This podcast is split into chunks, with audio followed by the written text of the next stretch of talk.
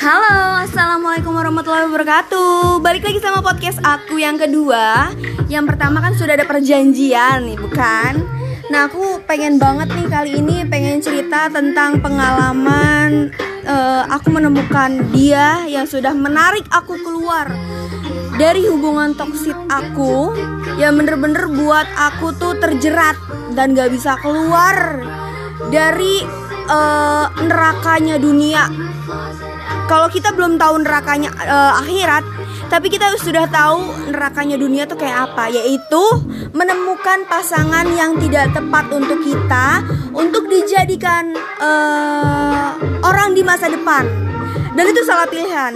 Tapi alhamdulillah sih bersyukur banget aku ditemukan oleh seseorang yang bener-bener bisa um, membuat aku kembali kembali pada masa-masa aku yang bener-bener ayo bisa mulai dari awal, ayo bisa bahagia lagi, ayo kamu bisa buang jauh-jauh mental buruk kamu dan kamu bisa buang jauh-jauh pikiran kalau laki-laki itu sama aja dan kamu bisa buang jauh-jauh yang katanya kamu mati rasa.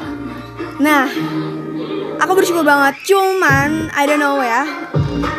Uh, mungkin Allah udah kasih jalannya masing-masing gitu ya.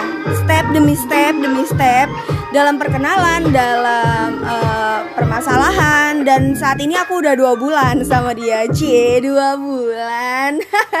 Dalam pacaran ya. Cuman kalau untuk perkenalannya sih sekitar sudah mm, mau menginjak lima bulan sampai enam bulan sih sampai detik ini.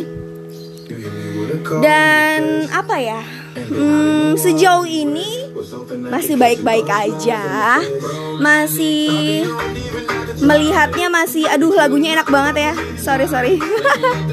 Uh, masih ke tahap yang oke okay lah bisa oke okay lah. Uh, masih terlihat fine dan cukup bahagia sampai saat ini.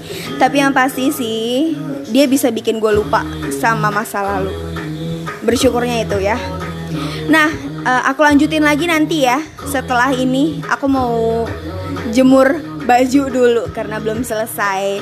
By the way untuk kamu yang masih terjerat di nerakanya dunia, semoga kalian bisa lepas dari apa pun itu dan kalian bisa lupa dengan apa pun yang membuat kalian tuh terketekan gitu ya.